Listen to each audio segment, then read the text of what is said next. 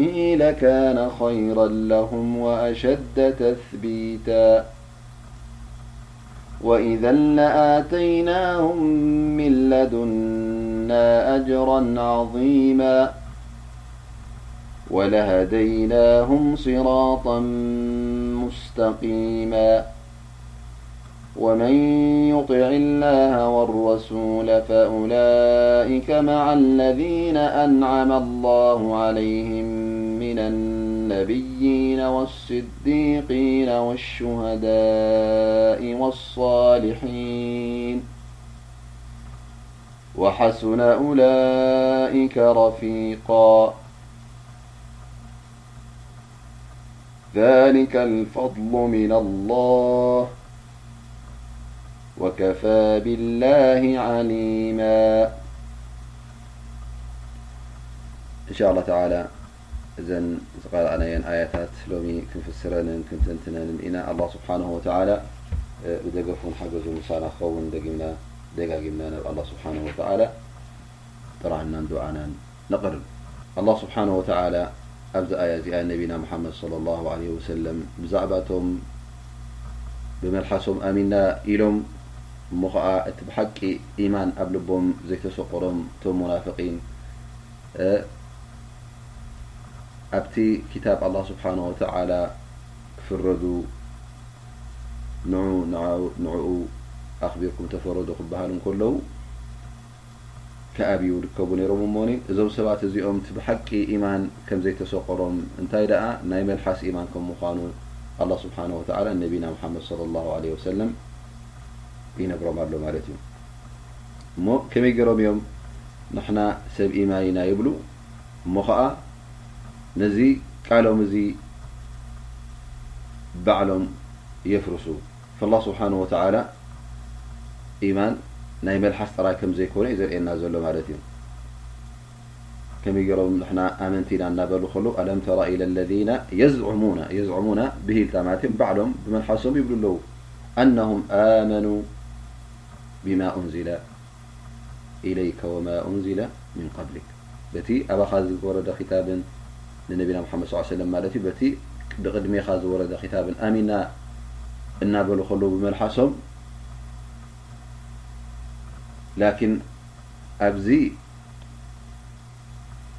እምነት እዚ ሓቀኛ እምነት ከም ዘይብሎም ከመይ ገይሩ ኣላህ ስብሓነሁ ወተዓላ ይነግረና ዩሪዱነ ኣን የተሓከሙ ኢለ ጣጉት በመን ብነቢዪ ሙሓመድ ሰለላሁ ዓለይሂ ወሰለም ዝኣምን ሰብ ድማ በቲ ናብ ነቢዪ ሙሓመድ ሰለላሁ ዓለይሂ ወሰለም ዝወረደ ክታብን በቲ ዝሓለፈ ክታብቲ ኣላህ ስብሓነሁ ወተዓላ ዘውረዶ ናብ ነቢላህ ሙሳ፣ ናብ ነቢላህ ዒሳ ይኹን ናብ ቅድሚኦም ዝነበሩ ኣንብያ ብኡ ከም ዝኣመነ እዩ ዝሕብረና። ኣይሁዳውያን እውን ኣሚንና ኢሎም በቲ ዝሓለፈ ክታብ እቲ፣ ገሊኦም ከኣ ከም ሙናፊቒን ኮይኖም ኣብ መዲና ይርከቡ ስለ ዝነበሩ ኣላህ ስብሓነሁ ወተዓላ ሕጂ እዞም ሰባት እዚኦም እቲ ናይ ሓቂ እምነት ከም ዘይብሎም ከመይ ገይሩ ይሕሽሖም ኣሎ ማለት እዩ እንተ ናብ ክታብ ኣላ ንዑሞ ክትፍረዱ ቅረቡ ኣብቲ ዘሰሓሕበኩም ነገራት እንተ ተባሂሎም እንታይ ይብሉ ማለት እዩ እምቢ ይብሉ እዛ ኣያ እዚኣ ሰበብ ናታ ዝወረዳ ይበሃል ሓደ ካብቶም ኣንሳር ካብቶም ኣስላም እዮም ዝብሉ ዝነበሩ ማለት እዩ ምስ ሓደ ኣይሁዳዊ ተባኢሶም ማለት እዩ ሕጂ እቲ ኣይሁዳዊ እንታይ ይብሎ ንዓ ኣብ መንጎይን ኣብ መንጎኻን ነቢ ሙሓመድ ወይ ከዓ መሓመድ ነእቱ ኢሉ ይጠቕሰሉ ማለት እዩ ላሁመ ሰሊ ዓላ ሙሓመድ እቲ ኣስላማይ ተባሂሉ ዘሎ ኣብ ክንዲ ሕራይ ዝብል እንታይ ክብል ጀሚሩ ማለት እዩ በይኒ ወበይነከ ከዕብ እብን ኣልኣሽረፍ ከዕብ እብን ኣልኣሽረፍ እዚ እቲ ናይ ኣይሁዳውያን ሓላፊ ዝነበረ ማለት እዩ ወቂል እኑ እዛ ኣያ እዚኣ ድማ ላ ብዛዕባኡ ኣይኮነትን እንታይ ደኣ ገለ ሰባት ካብቶም ሙናፊቂን ዝነበሩ እስልምና ኣግሂዶም ወይ ከዓ ብእስልምና ኣሚና ኢና እናበሉ ከለዉ እሞ እዞም ሰባት እዚኦም እቲ ናይ ብሓቂ ኢማን ስለ ዘይነበሮም ኩሉ ግዜ እንተ ክፍረዱ ኮይኖም ኣብ ክንዲ ናብ ነቢና ሙሓመድ ሰለላሁ ዓለይሂ ወሰለም ዝቐርቡ ኣብቲ ናይ ጃሂልያ ኣብቲ ናይ ኣይሁዳውያን ኣብ ካልእ ፈራዲ ቀሪቦም ክፍረዱ ይመርጹ ነይሮም ማለት እዩ። ኢዘን እዛ ኣያ እዚኣ ብሓፈሽኡ ንኹሎም ነቶም ብሓፈሽኡ እንተ ርኢናያ ንኹሎ እቲ ክታብ ረብን ሱና ነብን ነጺጉ ንዕኡ ኣብዩ ኣብ ካልእ ስርዓት ኣብ ካልእ ሕጊ ክፍረድ ዝመርጽ እዚ ሰብ እዚ እቲ ኢማን ናይ ብሓቂ ኣብ ልቡ ከም ዘይኣተወ ኣላህ ሱብሓነሁ ወተዓላ የርእየና ኣሎ ማለት እዩ።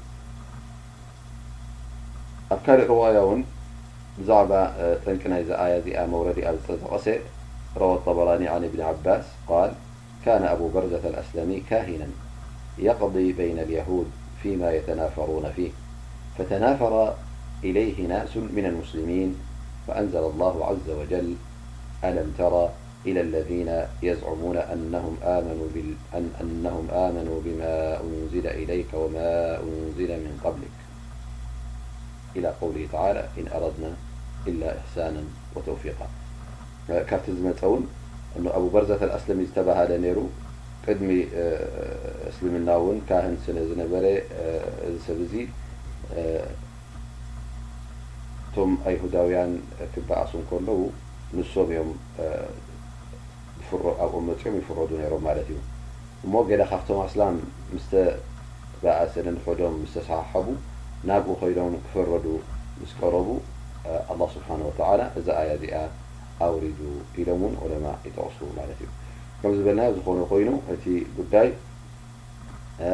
ነቶም ኣሚና እናበሉ ከለዉ ብኪታብ ረብን ብሱና ነብን በቲ ዝሓለፈ ክታብትን ኣሚና እናበሉ ከለዉ ኣብ ክንዲ እሞ ኣብ ምስሕሓቦም ክኸውን እንከሎ ናብ ኣላህ ስብሓነሁ ወተዓላ ናብ ነቢ ነብ ሙሓመድ ሰለላሁ ዓለይሂ ወሰለም ቀሪቦም ኣብቲ ክታብ ኣላህ ኣብ ክንዲ ዝፍረዱ ካልእ ሕጊ ዝመርጹ ሰባት ካልእ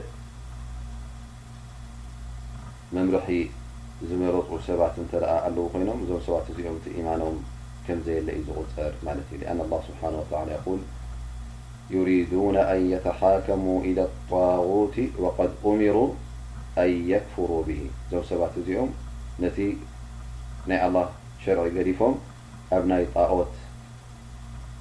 ክፍረዱ ስለ ዝደለዩ እዞም ሰባት እዚኦም ኣላህ ስብሓነሁ ወተዓላ ብጣኦት ክኽሕዱ ኣዚዝዎም እንከሎ እሶም ግን ጌና በቲ ጣኦት ዝብሎም ንኽፍረዱ ስለ ዝመርፁ ዘለዉ እቲ እምነቶም ክሳዕ ሕጂ ናይ ብሓቂ እምነት ከም ዘይኮነ እዩ ዘብርህ ዘሎ ማለት እዩ። ኣብዚ እውን ኣላህ ስብሓነሁ ወተዓላ እታ ቀንዲ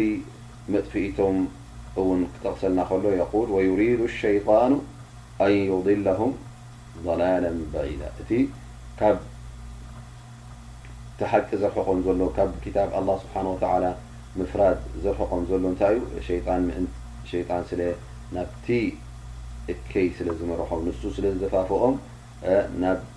ጣኦት ክፍረዱ ከም ዝመርጹ ገይርዎም ማለት እዩ። ኢዘን እንታይ እዩ እቲ ዘርእየና ዘሎ ማለት እዩ መገዲ ሸይጣን ከም ምዃኑ እቲ ዝመርጽዎ ዘለዉ እቲ ዝኸድዎ ዘለዉ እቲ እምነት መገዲ ኣላህ ስብሓነሁ ወተዓላ ኪታብ ኣላህ ኣሚንካ ምኻድ እዩ። እንተ ደኣ ካብኡ ስሒትካ ድማ ንኻልእ ክትመርጽ ጀሚርካ ብእኡ ንኣሚነ እናበልካ ብኪታብ ረቢ እንደገና ኣብቲ ናይ ጣኦታት ኣብቲ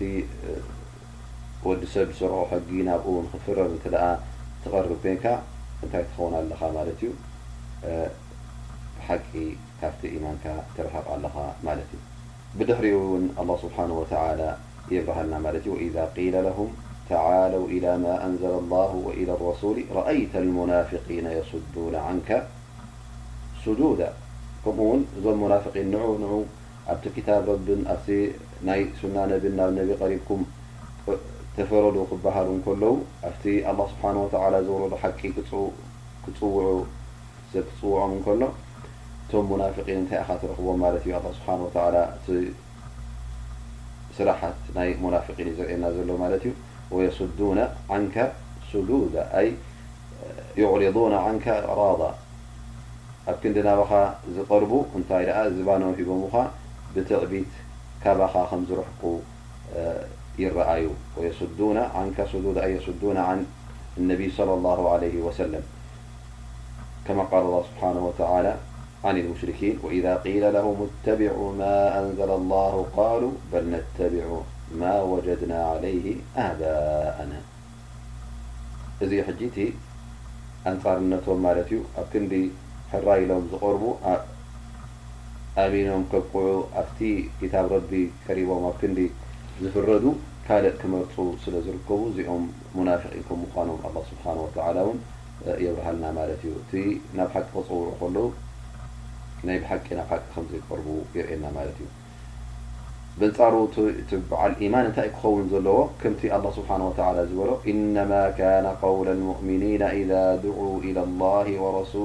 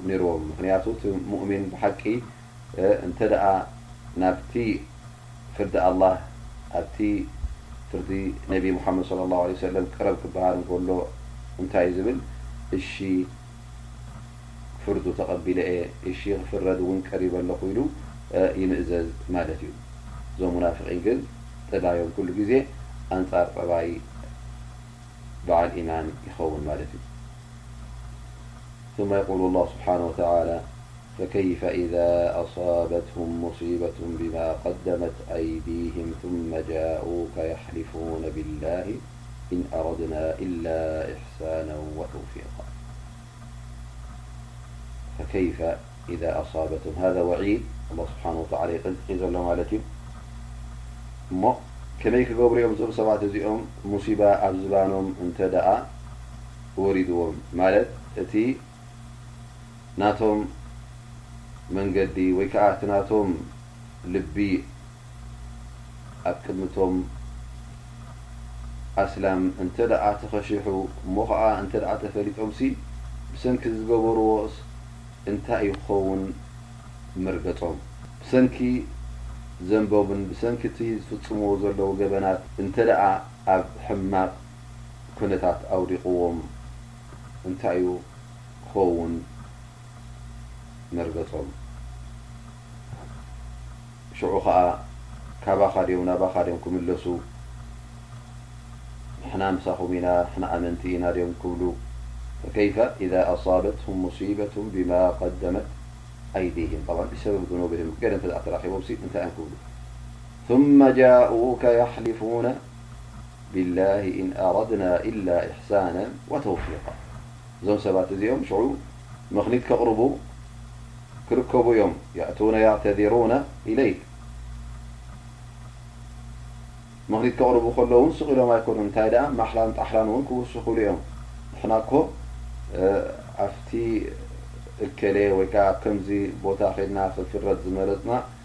ከምዚ ስለ ዝኾነ እዚ ስለ ዝነበረ ኢሎም በትን በትን ምኽኒታት ናይ ሓሶት ምኽኒት ከቕርቡ ይርከቡ ማለት እዩ። ንሕና ውን ንኼር ኢና ሓሲብና ንሰናይ ንጽቡቕ ኢና ኢሎም ክዛረቡ ይርከቡ ማለት እዩ። እዚ ነገር እዚ ውን ንሕና ጌጋ ኣይመሰለናን እንታይ ደኣ ኣብ ከም ዝኣመሰለ ኣብ ኩነታሲ ናብ ግዴታ ኣይኮነን ኣብ ክታብን ኣብ ሱና ነብን መጺኻ ወይ ከኣ ናብ ነቢ መጺኻ ፍርዲ ክትምርጽ ፍርዲ ክትመርጽ ወይ ከኣ ዕድል ኣሎ ኢልና ኢና ሓሲብና ናብ ካልእ ንክንከይድ ኢሎም ሕጂ እንታይ ክገብሩ መጹ ማለት እዩ ምኽኒት ከቕርቡ ማለት እዩ እዚ እዩ እቲ ናቶም መርገጽ ኩሉ ግዜ ረቢ ክኸሽሖም እንከሎ ክፍድሖም እንከሎ መጺኦም ንሕና እዚ ኮነ ነይሩ ሓሳብና ንሕና ንኸይር ኢና ደሊና ንጽቡቕ ኢና ደሊና ይብሉ ማለት እዩ ወያሕሊፉነ ቢላሂ ኢን ኣረድና ኢላ ኢሕሳናን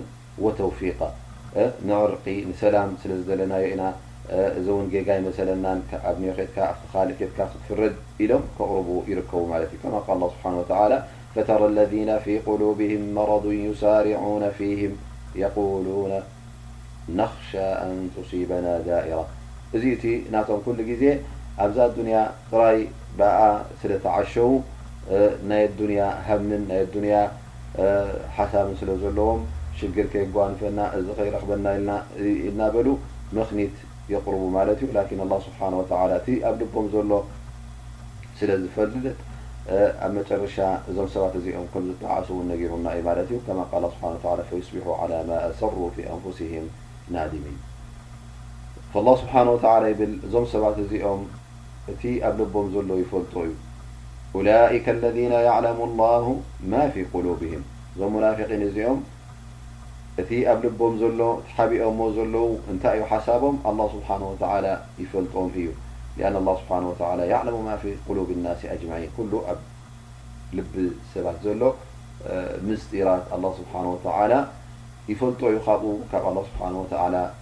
ዝሕባእ ኣይኮነን ስለዚ በታ ኣብ ልቦም ዝሓስብዋ ዝነበሩ በታ ሓቢኦማ ዝነበሩ ኣላህ ስብሓን ወተዓላ ይፈልጦም ስለ ዝኾነ ብእኣ ውን ክቐፅዖም እዩ ሊኣን ኣላህ ላ ተኽፋ ዓለይሂ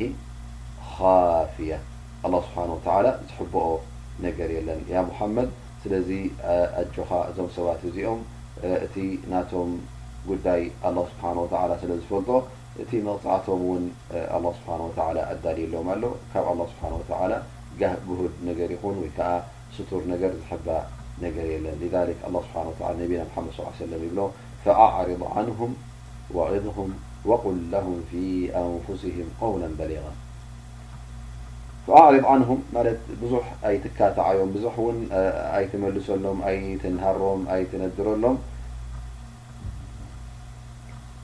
ፈላ ቱዓኒፍኩም ዓላ ማ ፊ ቁሉብህም ንስኹም እኮ ከምዚ ኢኹም ሓሲብኩም ኔርኩም እዚ ዩ ልብኹም ዘሎ ኢልካ ውን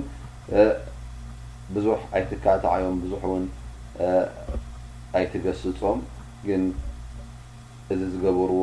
ጌጋ ከም ዝነበረ ኣብርሃሎም ኢኻ ውዒልሁም ኣይ እቲ ዝገበርኩሞ ጌጋ ዩ ኔሩ ከምዚ ኣመሰለ ክትገብሪ ክትገብሩ ይነበረኩምን ኢልካ ውን ግለጸሎም ኢኻ ዋዕዚ ሃቦም ኢኻ ምኽሪ ሃቦም ኢኻ ስበኮም ኢኻ እእ እዚ ነገር እዚ ፍቀድ ከም ዘይኮነ እቲ እስልምና ንምንታይ ከም ዝእዝዝ ኣብርሃሎም ኢኻ ምናልባሽ ንኽምል ወቁል ለሁም ፊ ኣንፉሲሂም ቀውለን በሊቃ እእ ብጽቡቕ ዘረባ ጌርካ እቲ ሓቂ እንታይ ከም ምዃኑ ኣብጽሓሎም ኢኻ፣ ነሲሓ ሃቦም፣ ምኽሪ ሃቦም ኢኻ፣ ንጹህ ዝኾነ ምህሪ ምኽሪ ምእንቲ እዞም ሰባት እዚኦም እንተ ንኽምለሱ ድልየት ኣለዎም ኮይኑ ምእንቲ ክምለሱ እንተ ዘይብሎም ድማ እቲ ሓቂ ንስኻ ንኸተብርሃሎም እዙዝ ስለ ዝኾንካ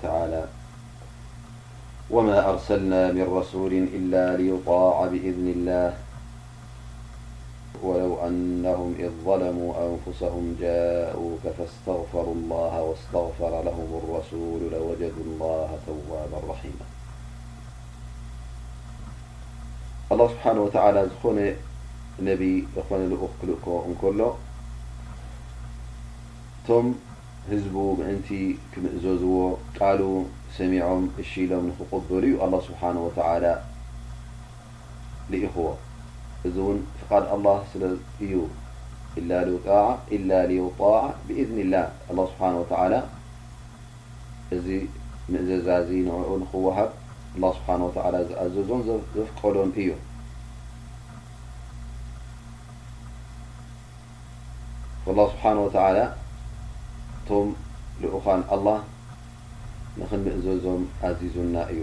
እቲ ሪሳላ ዝወርድ ዘሎ እቲ መልእኽቲ ከኣ ግዴታ ነዚ መልእኽቲ እዚ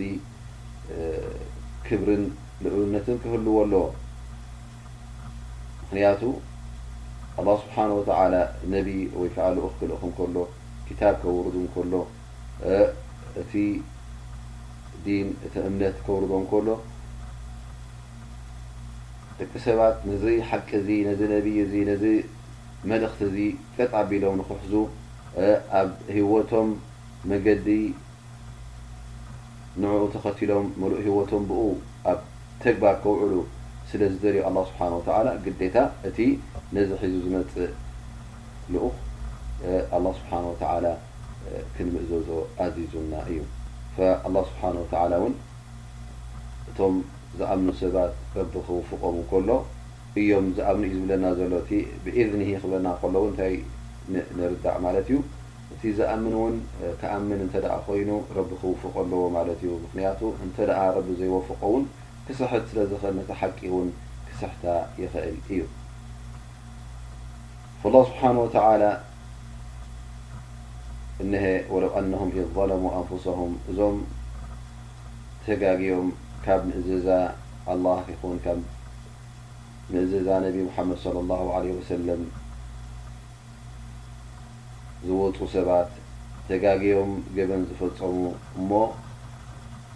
ብሓቂ ኢማን ኔሮም ኔርዎም እንተዝኸውን ናብ ነቢ ሙሓመድ ሰለላሁ ዓለይሂ ወሰለም ተመሊሶም እቲ ዝገበርዎ ጌጋ ከም ዝነበረን እቲ ዝገበርዎ ገበን ከም ዝነበረን ተኣሚኖም ንነቢ ሙሓመድ ሰለላሁ ዓለይሂ ወሰለም መጽዮም ያ ሙሓመድ ያ ረሱለላህ ንሕና ዝገበርናዮ እኮ ጌጋ እዩ ኔሩ እሞ ካብ ኣላህ ስብሓነሁ ወተዓላ ምሕረት ሕተተልና ምሕረት ንሓትት ኣለና ኢሎም ቀሪቦም ነይሮም ተዝኾኑ ኣብ ነቢይ ሰለላሁ ዓለይሂ ወሰለም ብጣዕሚ ንሰዓብቱ ስለ ዝርህርሃሎም ካብ ኣላህ ስብሓነሁ ወተዓላ ምሕረት ምሓተተ ነይሩ ኣላህ ስብሓነሁ ወተዓላ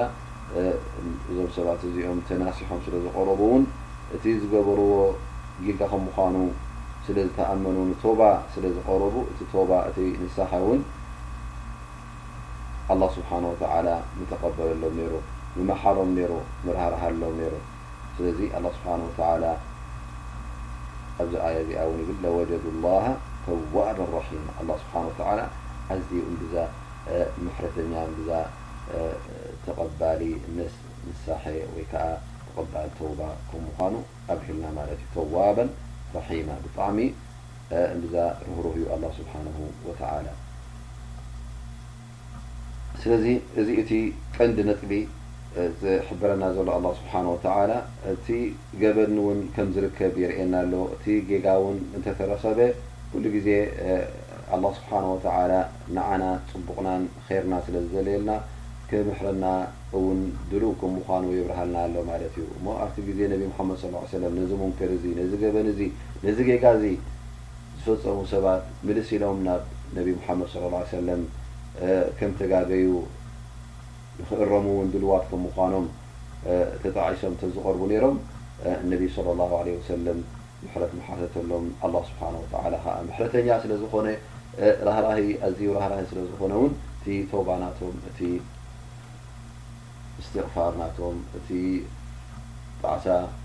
ኣላህ ስብሓነሁ ወተዓላ ምተቐበለሎም ኔሩ ብድሕሪኡ ኣላህ ስብሓነሁ ወተዓላ ይብል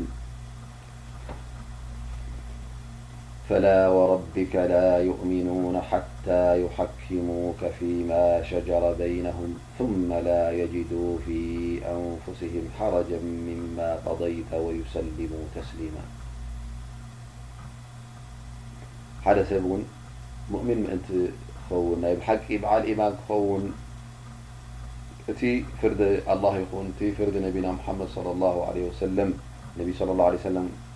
ተባኢሶም ክመጽዎም እንከለዉ ሰባት እሞ በቲ ቃል ኣላህን በቲ ሸርዒ እስልምና ክፈርድዎም እንከለዉ እቲ ዝፍረድ ሰብ ነቲ እተዋህበ ፍርዲ ፈትዩ ክቕበሎ እንከሎ እዚ እዩ እቲ ብሓቂ ብሓቂ በዓል ኢማን ዝቑጸር ማለት እዩ ፈላ ወረቢክ እቲ ጉዳይ እኮ ከምዞም ሙሽሪኪን ዝብልዎ ዘለዉ ከምዚ ዝሓስብዎ ዝነበሩ ኣይኮነን ኣሚነ እናበልካ ፍርድን ብየናን ካብ ካልእ ክትጠልብ ብቁርኣን ብኪታብ ኣላህ ኣሚን እናበልካ ከለኻ ንዕኡ ጠንጢንካ ዝባንካ ሂብካ በቲ ናይ ጣኦት ሰብ ዝሰረሖ ሕግታት ንዕኡ መሪጽካ ብኡ ክትፍረድ እንተ ኮይኑ እዚ ኣይኮነን እቲ ሓቂ እንታይ ደኣ ኣሎ እቲ ሓቂ እቲ ብሓቂ ናይ ኢማን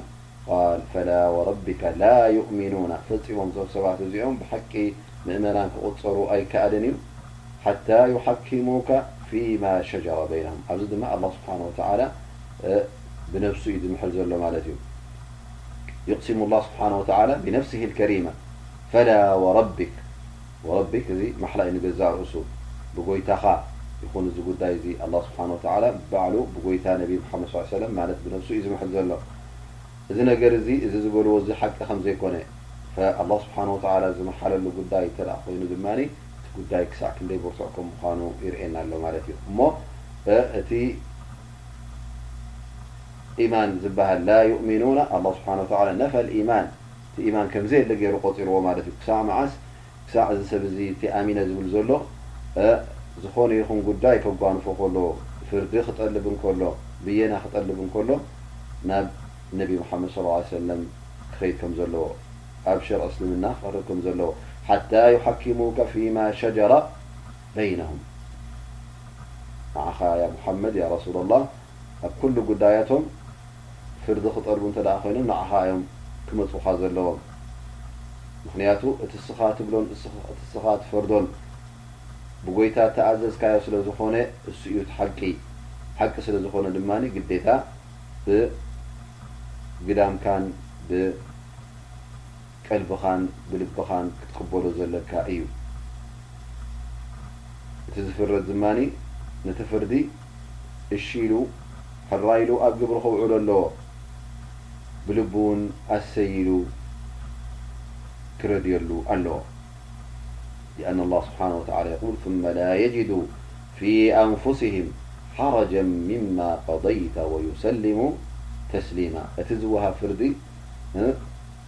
ሕርኽርኽ ክብሎም የብሉን ኣብ ልቦም እንታይ ደኣ ኣላ እዛ ፈርጀ እዚኣ ከመይ ጌራ ደኣ ኣላ ኮይና ኢሎም ሕርኽርኽ ክብሎም እንተ ደኣ ጀሚሩ እዞም ሰባት እዚኦም ናይ ብሓቂ ኣይኣመኑን ማለት እዩ ላየጅዱ ፊ ኣንፉሲሂም ሓረጀን ምኽንያቱ እቲ ኣብ ነቢይ ሰለላሁ ዓለይሂ ወሰለም ነቢና ሙሓመድ ሰለላሁ ዓለይሂ ወሰለም ዝብልዎ ካብ ጌታ ዝመጸ ስለ ዝኾነ ሓቂ ከም ምዃኑ እንተ ደኣ ትኣምን ኮይንካ ፈጺሙ ሕርኽርኽ ክብለካ የብሉን እሱ ንሰናይካ ንኸይርካ እታ ግብእቲ ሓቂ ከም ምዃና ስለ ትኣምን ንዓኣ ከተስተስልም እዩ ዝግብኣካ ኢድካ ክትህብ እዩ ዝግብኣካ ማለት እዩ ፈላ የኩን ፊ ሰድሪከ ሓረጁን ኣብ ልብኻ ፍጺሙ ሓረጅ ሕርኽራኽ ክልእ ክህልዎ ክህሉ የብሉን እንታይ ደኣ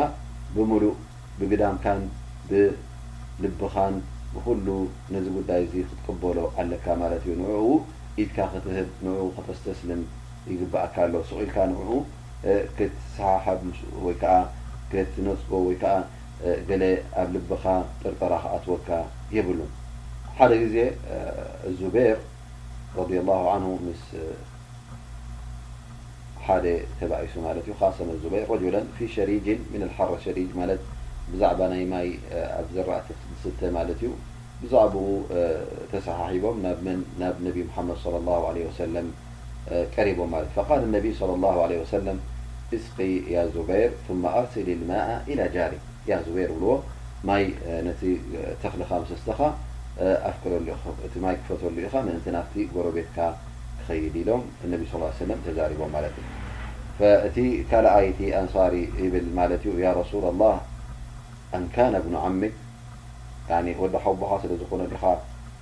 ንዑዑ ፈሊጥካሉ ኢሉ ተዛሪቡ ማለት እዩ ፈተለወነ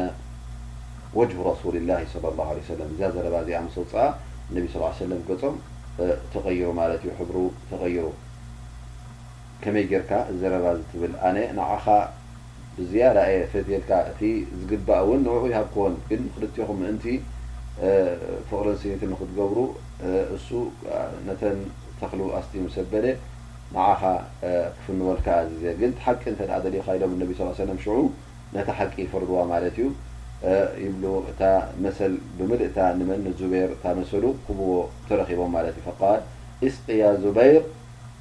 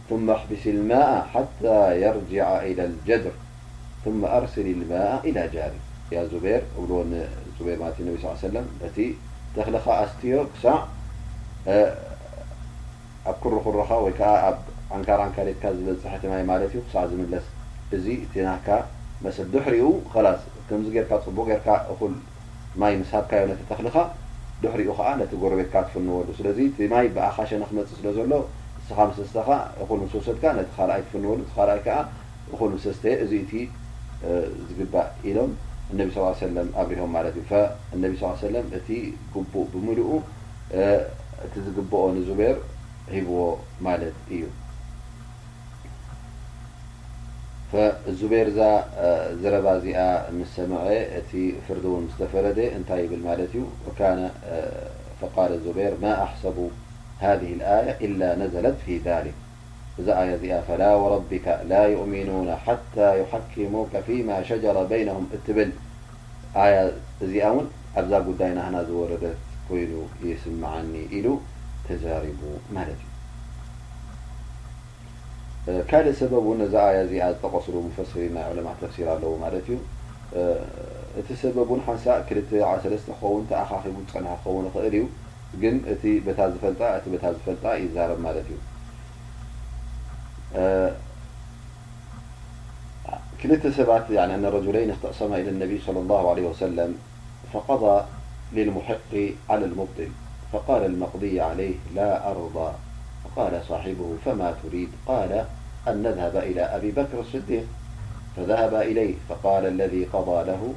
اختصمناإلانبسفقضى ليفقال أبو بكر فأنتما على ما قضى به رسول الله صل اللهعلي وسلم فأبى صاحبه أن يرضى قال نأتي عمر بن الخطاب فأتيا فقال المقضي له قد اختصلنا إلى النبياعوسلمفقضى لي علي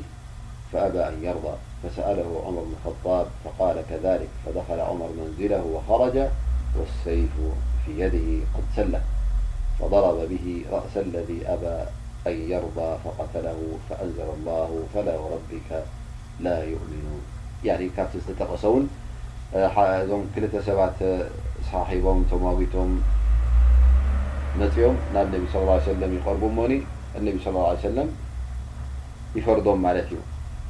ሕጂ እቲ እታ ፍርዲ ኣብታ ፍርዲ እተሳዓረ እንታይ ይብል ማለት እዩ? ኣነ በዚ ፍርዲ እዚ ኣይቅበልን እየ፣ ኣይረደኹን፣ ኣይፈተኹን ኢሉ ይዛረብ ማለት እዩ። እሞ እንታይ ደኣ ክገብረካ ኢልዎ እቲ ምስኡ ዝማጎት ዝነበረ? ንዓናይ ናብ ኣቡበከር ንኺድ ኢልዎ ማለት እዩ። ናብ ኣቡበክር ኣሰዲቕ ይኸዱ ማለት እዩ። ሽዑ ከይዶም እውን ይነግርዎ ንሕና ከምዚ ከምዚ ኢልና ኣለና ምስ ስርሓብክን፣ ቅድሚ ሕጂ ናብ ደቪድ ሓመድ ሰላም ሰነድ ቀሪብና ኢና፣ ከምዚ ከኣ ፈሪዱ ነይሩ ኢሉ ይዛረብ እቲ ፍርዲ ንዕኡ ዝኾነ ማለት እዩ። እሞ ኣቡበከር ኣስዲቅ እንታይ ይብል ኣነ ውን በቲ ነቢ ሙሓመድ ሰለላሁ ሰለም ዝፈረዶ ብኡ ፈሪደኩም ኣለኹ ወይ ከኣ እሱ እዩ እቲ ፍርድኹም ኢሉ ይመልሶም ማለት እዩ። ሕራይ ዶ በል እዚ ይኣቢ ማለት እዩ ኣነ ውን ክሳዕ ሕጂ ኣይዓገብኩን ክሳዕ ሕጂ ኣይረገኹን ኣይፈተኹን ኢሉ ይዛረብ እንታይ ደኣ እሞ እንታይ ክገብረካ እሞ እንታይ ትደሊ ንዓና ን ኣቡበከር ናብ ዑመር ይብሎ ማለት እዩ ካልኣይ ናብ ዑመር ውን ይኸዱ ሽዑ ንዑመር ብን ኸጣብ ውን ይዛረቦ ንሕና ከምዝን ከምዝን ኣለና ጉዳይ ናብ ነቢ ሙሓመድ ሰለላሁ ዓለይሂ ወሰለም ቀሪብና እውን ተፈሪድና ኢና ኢሉ እዛረብ ማለት እዩ። እቲ ፍርዲ ንዕኡ ዝኾነ ማለት እዩ። እሞ እነቢ ሰለላሁ ዓለይሂ ወሰለም እውን ንዓይ ፈሪዱለይ ኣነ ኣብ ሓቂ ከም ዘለኹ እዚ ብጻየይ ድማ ከም ዝተጋገየ ግን ኣይረደየን እዚ ብጻየይ ናብ ኣቡበከር መጀመርያ ወሲዱ እንደገና እውን ናባኻ ኣምጺኡኒ ኣሎ ሕጂ ኢሉ እዛረብ። ፈሰኣለሁ ዑመር ዑመር ሕጂ ነቲ ሓደ ይሓቶ ማለት እዩ ነቲ ዝኣቢ ዘሎ ከምዚ ዝብሎ ዘሎ ዓርክኻ ድዩ? ትኣቢ ኣለኻ ናብ ነቢ ሙሓመድ ቀሪብካ ተፈሪድካን ፍርዱ መጺካ ወይ ከኣ ኣይዓጀበንን ኢልካ ደስ ኣይበለንን ኣይረደኹን ኢልካ ዲኻ መጺካ ዘለኻ ናባይ ኢሉ ዑመር ብን ኸጣብ ይሓቶ ማለት እዩ እወ ይብሎ ፈዑመር ብን ኸጣብ ሽዑ ገዝኡ ውሽጢ ኣትው ኢሉ ተመሊሱ ሲር ሒዙ መጺኡ እስኻ ኢዘን ነቲ ናይ ነቢ ሙሓመድ ሰለላሁ ዐለይሂ ወሰለም ዝመጸካ ፍርዲ ካብ ኮንካ ክሒድካ ማለት እዩ ኢሉ ነዚ ሰብ እዚ ይቀትሎ ፈኣላህ ስብሓን ወተዓላ እዛ ኣያ እዚኣ ኣውሪዱ ፈላ ወረቢካ ላ ዩእሚኑነ ትብል ኣያ ኣውሪዱ ይበሃል እዚ እውን ከም ሰበብ ተጠቒሱ ማለት እዩ ፈእዚዩ እቲ ናይ ብሓቂ ኢማን ዘለዎ ሰብሲ ፈፂሙ ነቲ ትእዛዝ ኣላህ ይኹን ነቲ ፍርዲ ኣላህ ይኹን ነቲ ፍርዲ ነቢ ሙሓመድ ለ ላሁ ለ ወሰለም ክኣብዮ የብሉን ምክንያቱ ምስቲ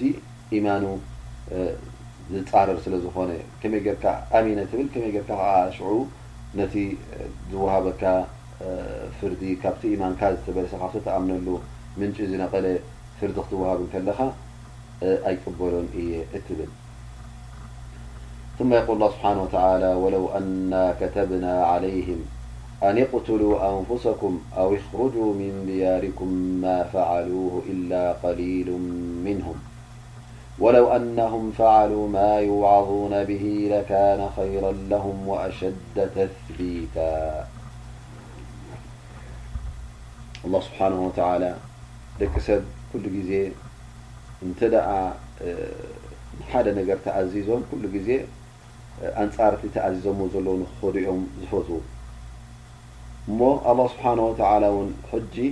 እዞም ሰባት እዞም ሙንከር ዝገብሩ ዘለዉ፣ እዚ ሙንከር እዚ ኣላህ ስብሓነሁ ወተዓላ ግበርዎ ኢልዎም ነይሩ እንተዝኸውን ኣይምገበርዎን ነይሮም ማለት እዩ። ልኣኑ እቲ ናቶም ጠቢዓ ወይ ከዓ እቲ ናቶም ባህሪ ኩሉ ግዜ እንታይ እዮም ዝገብሩ ማለት እዩ? ኣንጻር እቲ ዝእዘዝዎ እዮም ዝፍጽሙ። ኩሉ ግዜ እዚ ግበር እዚ ግበር ክበሃል እንከሎ፣ ሙኻለፋ እዩ ዝፈቱ ማለት እዩ ናይ ሰብ ኣብቲ ጠባያቱ ወላ ንጥቕሙ ኮሎ እቲ ዝወሃቦ ዘሎ ኩሉ ግዜ ከምቲ ብቋንቋ ዓረብ ዝብልዎ ኩሉ መምኑዕን መርጉብ እዚኣ ጌጋ እያ እዚኣ ይትግበራ እዚኣ ክልክልቲ እያ ክትብሎ ከለኻ ሕጂ እታ ክልክልቲ ንዓኣስ ስለምንታይ ተኸልኪልናያ እዚኣ ኢሉ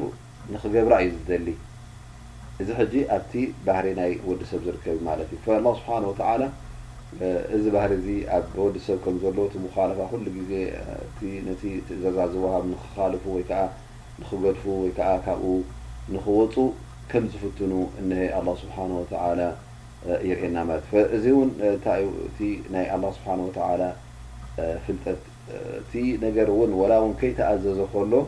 እንተዝእዘዝ ነይሩ እዞም ሰባት እዚኦም እንታይ ምገበሩ ነይሮም እዩ ዘርእየና ዘሎ። ምዓኑ ኣላህ ስብሓነሁ ወተዓላ ሙንከር ንኽገብር ኣይኣዘዘናን ግን ወለው ነቲ ሕጂ ሙንከር ዝገብሩ ዘለዉ ሰብ እዞም ሓራም ዝፍጽሙ ዘለዉ ሰብ ነቲ ሓራም ንኽገብርዎ ተኣዚዞሞ ነይሮም ተዝኾኑ እምቢ ምበሉ ነይሮም። እዚ እዩ እቲ ጠቢዓ ወይ ከዓ ባህሪ ናይ ወዲ ሰብ ኣላህ ስብሓነሁ ወተዓላ እዚ እዩ ዘብርሃልና ዘሎ ማለት እዩ ወለው ኣና ከተብና ዓለይሂም ኣን ይቅቱሉ ኣንፉሰኩም እዚ ከም ዝኣመሰለ ነፍስኹም ቅተሉ ኢልና ኣዚዝናዮም እትዝነብር ወይ ከዓ ካብቲ ዓድኹም ወይ ከዓ ካብ ቦታኹም ውፁ ኣውፅኡ ወይ ከዓ ነንሕትኩም ኣዋፅኡ ኢልናዮም ንንኸውን ነርና እዚ ዝተኣዘዝዎ እዚ ኣይንፈፀምዎ ነይሮም እንብሎ ነይሮም መዓኑ ሕጂ ፍፅምዎ ኣለው እዚ ገበን ይፍፅምዎ ኣለው ግን እቲ ዝእዘዝዎ ነይሮም ኣይንፈፅዎም ኣይንፈፀሙን ነይሮም ላኪን እቲ ዝግባእ እንታይ'ዩ ወለው ኣነሁም ፈዓሉ ማ ይውዓዙነ ብሂ እቲ ኣላህ ስብሓነሁ ወተዓላ ዝእዝዞም ግበርዎ ዝበሎም ከም ግቡእ እንተዝፍፅሙ ነይሮም እቲ ዝኸልከሎም'ውን ከም ግቡእ እንተዝኽልከሉ ነይሮም እዚ ንዐኦም ዝበለፀን ዝሓሸን ምኾነ ነይሩ ለካነ ኸይረን ለሁም ብርግፅ ንዐኦም እቲ ምምእዛዝ ኣብ ዝለዓለ ደረጃ ምብጽሖ ነይሩ፣ ኼር ምሃቦም ነይሩ። ኣብ ክንዲ ነቲ ዝተዋህብዎ ትእዛዛት፣ ዝተዋህብዎ ሓበሬታታት ዝነጽጉ እንተ ዝቕበሉ ነይሮም፣ ዝያዳ ንዕኦም ኼር ምዀነ ነይሩ። ንዕኦም ድማ እቲ ኢማኖም መትረረርሎም ነይሩ፣ ወኣሸደ ተስቢታ፣ ኣብቲ ሓቂ፣ ኣብቲ እምነት እውን ቀጥ ምበሉ ነይሮም። ኣብ ርእሲኡ ውን የቁል ኣላህ ስብሓን ወተዓላ ወኢዘን ለኣተይናሁም ሚን ለዱና ኣጅረን ዓዚማ ድሕሪኡ ውን እቲ ዝዓበየ ፀጋ ዝዓበየ ኣጅሪ ዝዓበየ ሞሳ ውን ምሃብናዮም ኔርና እቲ ናህና ኼር እቲ ናህና ሰናይ ውን ምዓሰሎም ኔሩ ብኡ ምደበስናዮም ኔርና እሳ ኸዓ እንታይ እያ እታ ጀና ማለት እዩ እታ ኣጅሪ እታ ዓዚም ኣልኣጅር እቲ ዝኸበረ ኣጅሪ ዝረኽቦ ሰብ ኣበይ እዩ እታ ጀና ማለት እዩ ኣላህ ስብሓነሁ ወተዓላ ኣጅረን ዓዚማ ክብል እንከሎ እቲ ዓብዪ ኣጅሪ እቲ ዓብዪ ፀጋ እቲ ዓብዪ ኼር ምረኸቡ ነይሮም ዝብለና ዘሎ እቲ ናይ ጀና ይኸውን ማለት እዩ ወለሃደይናሁም ሲራጠ ሙስተቂማ እቲ ሓቂ እቲ ቅኑዕ መንገዲ ድማ ኣብ ኣዱንያ ይኹን ኣብ ኣኼራ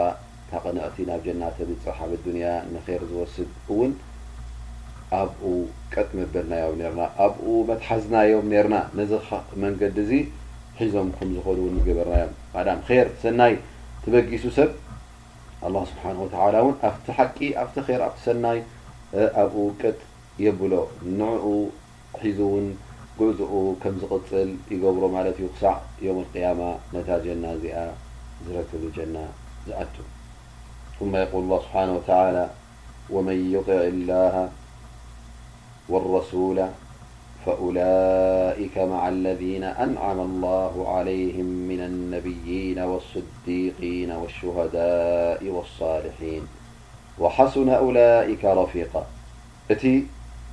ንኣላህ ስብሓነሁ ወተዓላ ዝምእዘዝ፣ ንነብዪ ሙሓመድ ሰለላሁ ዓለይሂ ወሰለም ዝምእዘዝ፣ ካብቲ ዝኸልከልዎ ዝኽልከል፣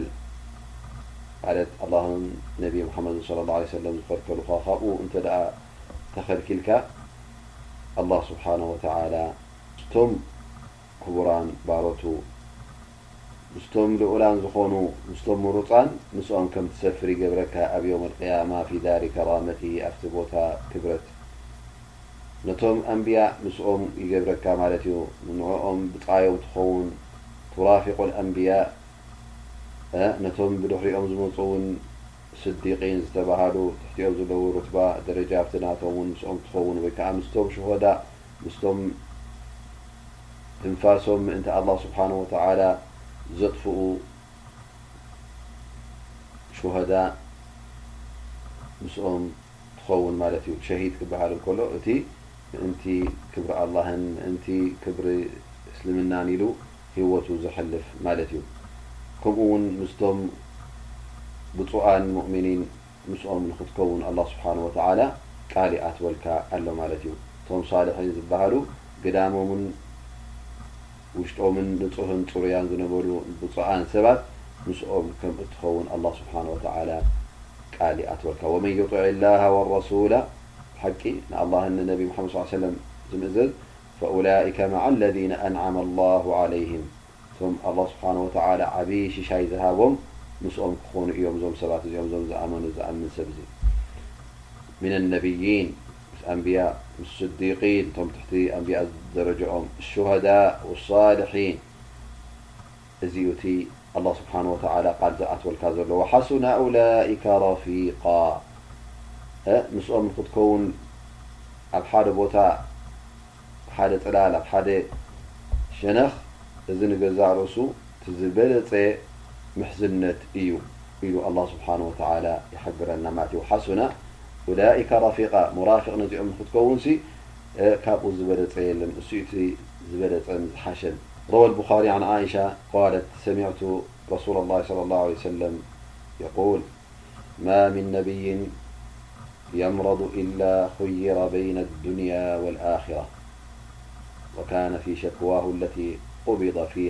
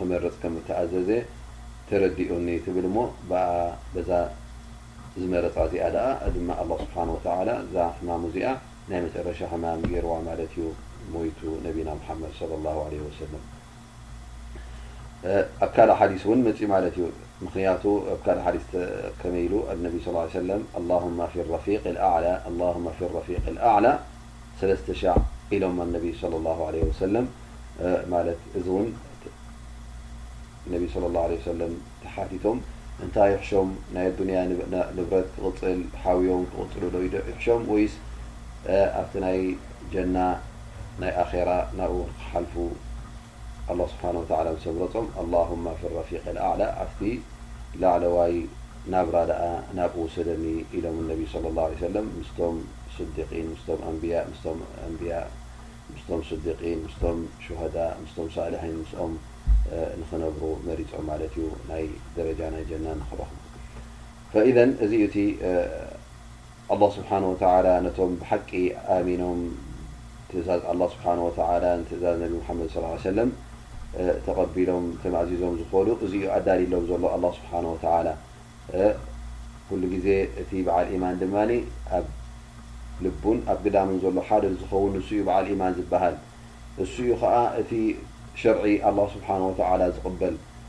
ኣላህ ስብሓነሁ ወተዓላ እዚ ነገር እዚ ኢልዎ እዩ፣ ነብዪ ሙሓመድ ሰለላሁ ዓለይሂ ወሰለም ኢሎምዎ እዮም ክበሃል እንከሎ እሺ ሕራይ ኢሉ ይቕበሎ ማለት እዩ። ክቕበሎ ከሎ እውን እናንጸርጸረ ኣይኮነን፣ እንታይ ደኣሉ እዚ ዋእ ከሸግረኒ እንድዩ ኣይክእሎን እየ እናበለ እናኣንጸርጸረ ኣይኮነን ዝቕበሎ፣ እንታይ ደኣ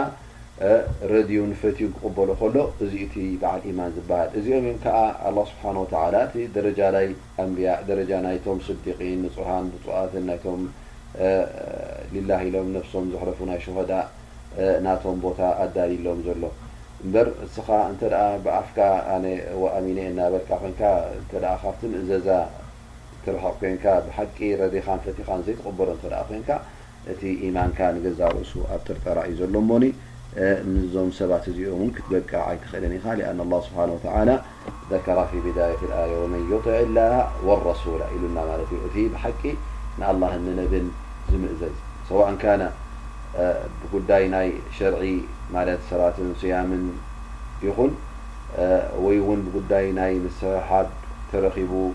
ፍርዲ ጠሊብካ ክትፍረድ እንተድኣ ኮይኑ ኩሉ ምእዘዛኻ ኣብዚ ጉዳይ እዚ ኣብ ኩሉ ነገራትካ ንኣላህን ንነቢ ሙሓመድን ሰለላሁ ዓለይሂ ወሰለም ክኸውን እንከሎ እዚ እዩ እቲ ኣብ ናይ ሓቂ ኢማን ዘብቅዓካ ከምኡ እውን ኣብቲ ደረጃ ናይቶም ኣንብያ ኣብቲ ደረጃ ናይቶም ብጹኣን ኣብቶም ላዕላዋይ ደረጃ ዘብጽሓካ ኣብ የውመል ቂያማ። ብጾት ነቢና ሙሓመድ ሰለላሁ ዓለይሂ ወሰለም እንተድኣ ርኢናዮም፣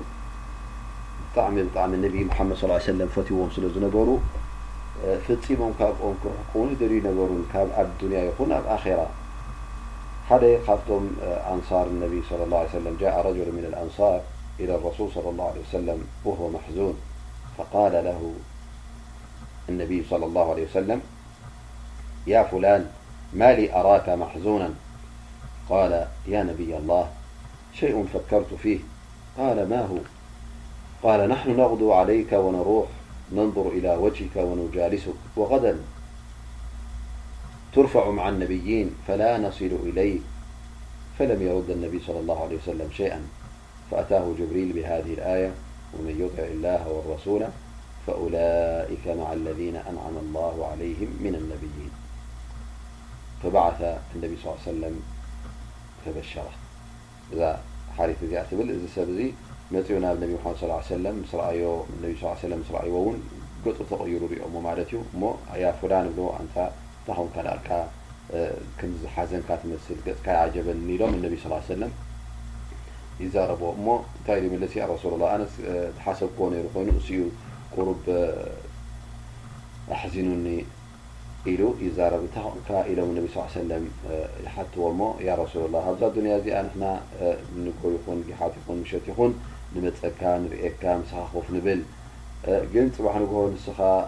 ምስ ሞትካ ንሕና ውን ምስ ሞትና ደረጃና ካብ ምስቶም ኣንብያእ ክኸውን እዩ እቲ ደረጃ ናትካ ፈጺምና ክንበጽሖ ኣይንኽእልን ኢና እሞ ደኣ እቲ ፍቕርና ከመይ ክኸውን እዩ ንሕና ብጣዕሚ ኢና ንፈትወካ ኔርና ማለቱ እዩ ስለዚ ኣብቲ ኣኼራ እውን ክንርእየካ ንደሊ ኢና ምሳኻ ኮፍ ክንብል ኣብ ጀና እዚ ግን ክንበጽሖ ስለዘይንኽእል እቲ ደረጃ ናይ ኣንብያ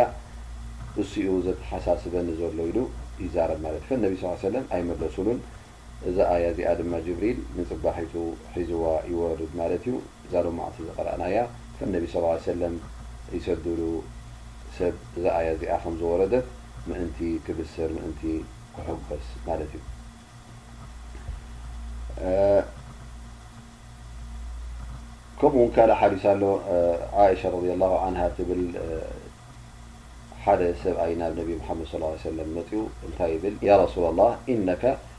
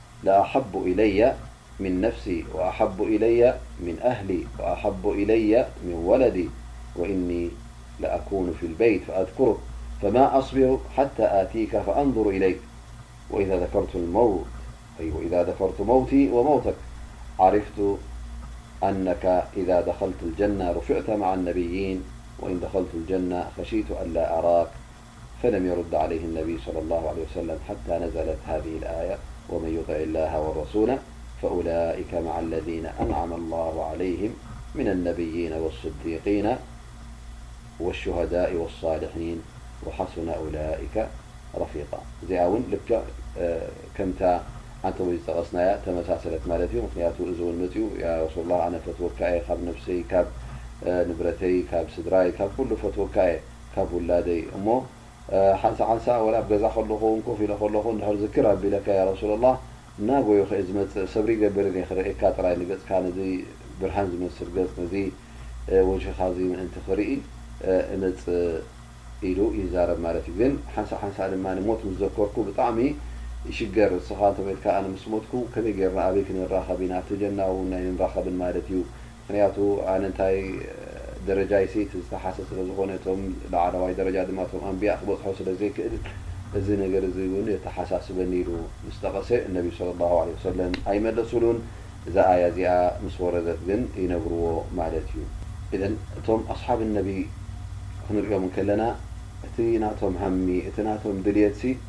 ኣብቲ ደረጃ ናይ ኣንብያ ንኽበጽሑ ኣብ ምስ ነብዪ ሙሓመድ ሰለላሁ ዓለይሂ ወሰለም ኣብ ኣኼራ ንኽራኸቡ፣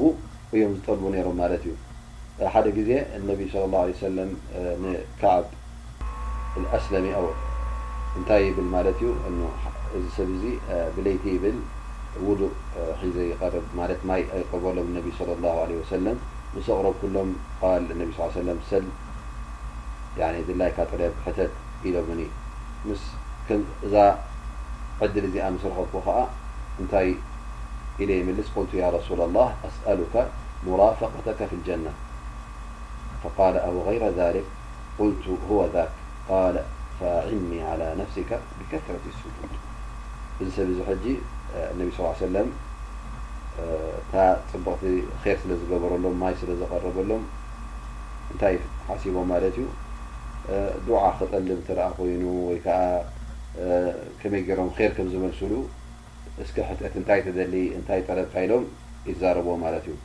ፈ እንታይ ኢሉ ይምልስ ያረሱለላህ ኣነ ዝደልያ ነገር እንተ ኣላ ኮይናስ ኣብ ጀና ምሳኻ ክኸውን ኣብ ጥቃኻ ክኸውን ኢሉ ይሓትት ማለት እዩ እሞ ካልእ ነገር የብልካን ትሓቶ ኢሎም ነቢ ስ ሰለም ይሓትዎ ማለት እዩ ፈቃለ ሁወ ዛክ እዚኣ ጥራይ እያ ዘላትኒ ኢሉ ይምልስ ፈቃለ ፈኣዕኒ ዓላ ነፍሲካ ብከስረት ስጁድ እሞ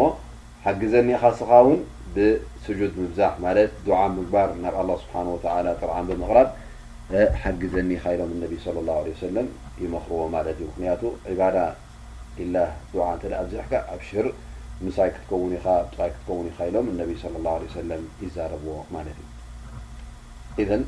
እቲ ደረጃ ናይ ኣንብያ ይኹን እቲ ደረጃ ናይቶም ዓበይቲ ሳልሒን ንጹሃንሲ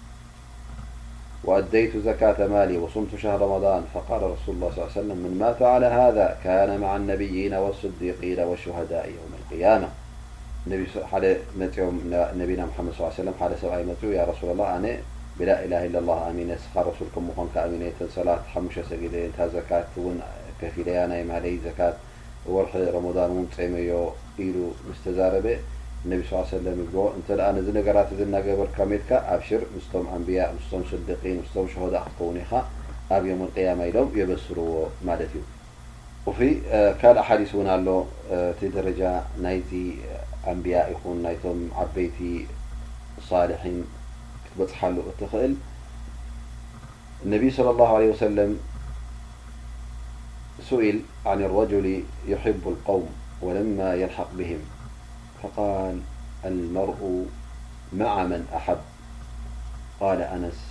فما فرح المسلمون فرحهم بهذا الحديث وفي رواية عن أنس أنه قال إني أحب رسول الله صلى الله عليه وسلم وأحب أبا بكر عمر رض الله عنهما وأرجو أن الله يبعثني معهم وإن لم أعملالنبي ነቢ ስ ላ ሰለም ሓደ ግዜ ተሓቲቶም ብዛዕባ ሓደ ሰብሲ ንገለ ሰባት ንዝፈትዎም ሰባት እተ ኣለዉ ኮይኖም ግን ከምኦም ክኸውን ኣይከኣለን ከርክበሎም ኣይከኣለን ከመይ እዩ እዚ ጉዳይ እዚ ኢሎም ምስ ተሓተቱ እነቢ ስ ሰለም እንታይ ኢሎም ይምልሱ ኣልመርኡ መዓ መን ኣሓብ ወዲ ሰብ ምስቲ ዝፈትዎ እዩ ክኸውን ኣብ ዮም ኣልቅያማ ኢሎም ጠቒሶም ማለት እዩ ኣነስ እብኒ ማሊክ ይብል እዛ ቃል እዚኣ እቶም ብጾት ነቢና ሙሓመድ ስለ ላሁ ዓለይሂ ወሰለም ከምኣ ዘሐጎሰቶም ኣይነበረን ካኑ ያኒ ኣፍራሕ ናስ ፈሪሓ ልሙስሊሙና ማ ፈሪሓ ልሙስሊሙና ፈረሓሁም ብሃዛ ልሓዲስ ከምኡ ዝኣመሰለ ሓጒስዎም ኣይፍ ምኽንያቱ ኩሎም እቶም ኣብ ግዜ ነቢና ሙሓመድ ሰለላሁ ዓለይሂ ወሰለም ዝነበሩ ሰሓባ ነቢ ሙሓመድ ሰለላሁ ዓለይሂ ወሰለም ይፈትዎም ስለ ዝነበሩ ብጣዕሚ ብጣዕሚ ፍቅሪ ናይ ነቢ ሙሓመድ ሰለላሁ ዓለይሂ ወሰለም ስለ ዝነበሮም ወነቢ ሰለላሁ ዓለይሂ ወሰለም ኣልመርዑ መዓ መን ኣሓብ ምስቲ ዝፈትዎ እዩ ዝኸውን ኣብ የውመል ቅያማ ምስ በሎም እሞ ንሕና እውን ምስ ነቢና ሙሓመድ ሰለላሁ ዓለይሂ ወሰለም ክንከውን ኢና ኢሎም ብጣዕሚ ተሓጒሶም ምኽንያቱ ንነቢ ሙሓመድ ሰለላሁ ዓለይሂ ወሰለም ስለ ዝፈትዎም ኣነስ ብን ማሊክ ይብል ኣነ ንረሱል ሰለላሁ ዓለይሂ ወሰለም እፈትዎ እየ ንኣቡበከር እፈትዎ እየ ንዑመር እፈትዎ እየ ስለዚ ኣላህ ስብሓነሁ ወተዓላ ምስኦም ኣብ የውመል ቂያማ ኣብ ሓደ ቦታ ንኽገብረኒስ ትስ ተስፋ ኣለኒ ይብል። ወላ እውን ከምቲ እሶም ዝሰርሕዎ ከምቲ እሶም ዝገበርዎ ኣይግበር ደኣ እምበር እቲ ንዕኦም ብምፍታወይ ነቲ ንሶም ዝገብርዎ ዝነበሩ ብምፍታወይ እቲ ፍቕሪ ናተይ እውን ንዕኦም ስለ ዝኾነ ኣላህ ስብሓነሁ ወተዓላ ምስኦም ከእትወኒ እዩ ኢሉ ይኣምን ነይሩ ማለት እዩ። ፈላህ ስብሓነሁ ወተዓላ የቁሉ ዛሊክ ዛሊከል ፈድሉ ሚነላህ።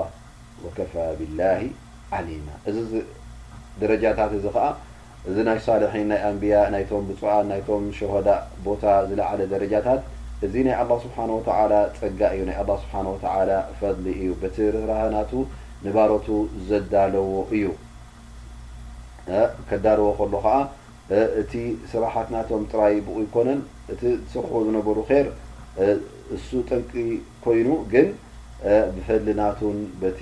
ጸጋ ናቱን ዘዳለወሎም እዩ ወከፋ ቢላሂ ዓሊማ ኣላህ ስብሓን ወተዓላ ውን እቲ ደረጃ ናይ ኣንቢያ እቲ ደረጃ ናይ ሳልሒን ናይ ብጹኣን ናይቶም ስዲቂን ናይቶም ሹሀዳእ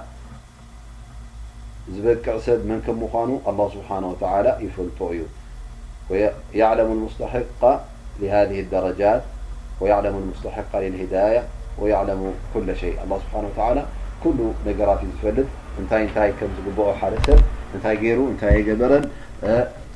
ኣየናይ ደረጃ እዩ እቲ ዝግበኦ ኣየናይ ደረጃ እዩ ክበፅሖ ዘለዎ ምስ መን ክኸውን ኣለዎ ኣላህ ስብሓነሁ ወተዓላ እዚ ነገራት እዚ ባዕሉ ኣላህ ስብሓነሁ ወተዓላ ስለ ዝፈልጦ ካብኡ ዝሕባእ ኣይኮነን። ኣላህ ስብሓነሁ ወተዓላ ከኣ እቲ ኩሉ ንገብሮ ዝነበርና ብምስጢር ይኹን ብጋህዲ እቲ ኣብ ልብና ዝነበረ ኢማን ክሳዕ ክንደይ ሓያልን ብርቱዕን ከም ዝነበረ ኣላህ ስብሓነሁ ወተዓላ ስለ ዝፈልጦ እቲ ደረጃ እውን ኣላህ ስብሓነሁ ወተዓላ ኣዳልዩልና ዘሎ ንሱ እዩ ዝፈልጦ ማለት እዩ። ነስኣሉላህ ስብሓነሁ ወተዓላ እቲ ደረጃና